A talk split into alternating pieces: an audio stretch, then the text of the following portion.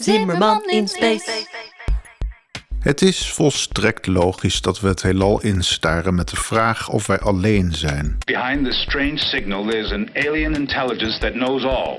Zoveel sterren. How much? Hoeveel zijn het er eigenlijk? Well, Tellen kunnen we ze natuurlijk niet, maar volgens de laatste schatting zijn er ongeveer 1 kwadriljoen sterren in het voor ons zichtbare heelal. Dat is een 1 met 24 nullen. Hoe we aan dit getal komen kunt u lezen in een artikel van space.com, waarnaar ik zal linken in de show notes van de podcast. Tussen u en mij gezwegen lijkt mij de kans echt nul dat er bij al die kwadriljoen sterren geen enkele planeet bestaat met leven erop. Afgezien van die van ons dan natuurlijk. Al vaker hadden we het over onze zoektocht naar buitenaards leven in deze serie verhandelingen over het heelal.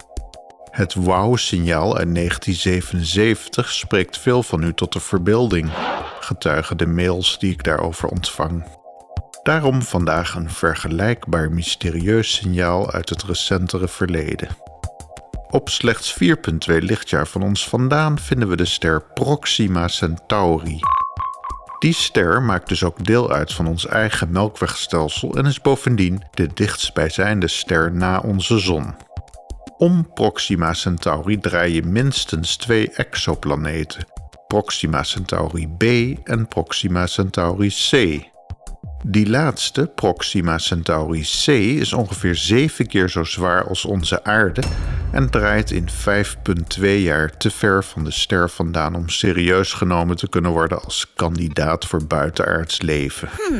Dat wil natuurlijk niet zeggen dat het niet kan, maar de kans is gewoon superklein. Oké. Proxima Centauri b daarentegen houdt de gemoederen al langere tijd bezig. Deze exoplaneet werd in 2016 ontdekt. Met een massa van 1,17 keer die van onze planeet is dit een plaats waar u en ik ook nog wel rond zouden kunnen lopen. In 11,18 dagen draait Proxima Centauri b om de ster Proxima Centauri, dus dat maakt het waarschijnlijk dat eventueel intelligent leven op die planeet zoiets als nieuwjaar niet heel erg uitbundig zal vieren. Die ster, Proxima Centauri, is een stuk kleiner en zwakker dan onze zon. Maar omdat Proxima Centauri b dichter bij die ster draait, valt deze exoplaneet juist weer wel in wat we de habitable zone noemen. Hens, kan je dit iets beter uitleggen? Een ring om een ster waarbinnen water in vloeibare vorm voor kan komen en leven zou kunnen gedijen. Maar goed, dat signaal.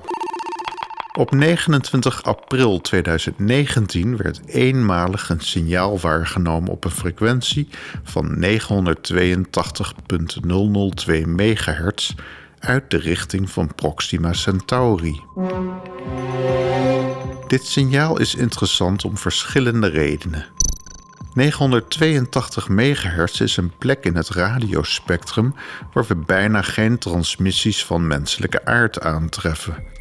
Deze frequentie valt onder wat we UHF noemen, Ultra High Frequency.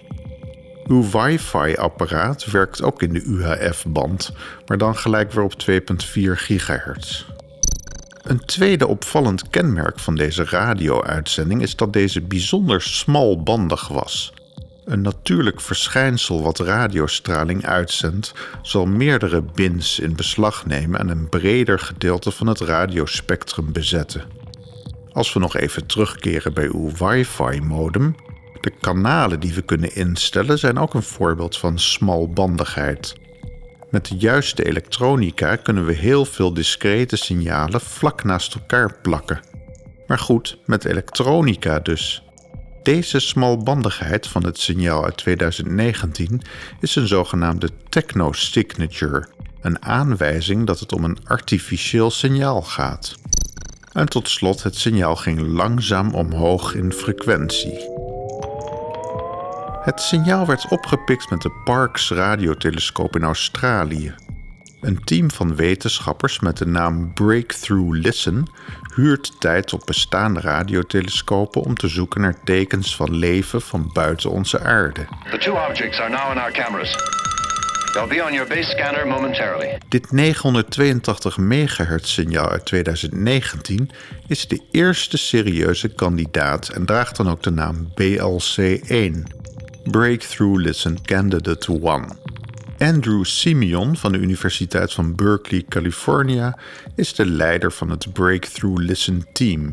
Hij zegt dat het nog te vroeg is om te beweren dat het een ontdekking van buitenaards leven is, maar dat het signaal vooralsnog alle controles heeft doorstaan. Het signaal werd opgemerkt door student Shane Smith van het Hillsdale College, die de data van Breakthrough Listen aan het doorspitten was. Tijdens de waarneming werd automatisch gebruik gemaakt van een techniek die bekend staat als nodding, letterlijk vertaald knikken. De radiotelescoop kijkt dan periodiek naar een ander stukje van de sterrenhemel om daarna weer terug te keren bij het waar te nemen object. Het mysterieuze signaal verdween daarbij uit beeld en werd weer zichtbaar als de radiotelescoop weer naar Proxima Centauri terugdraaide.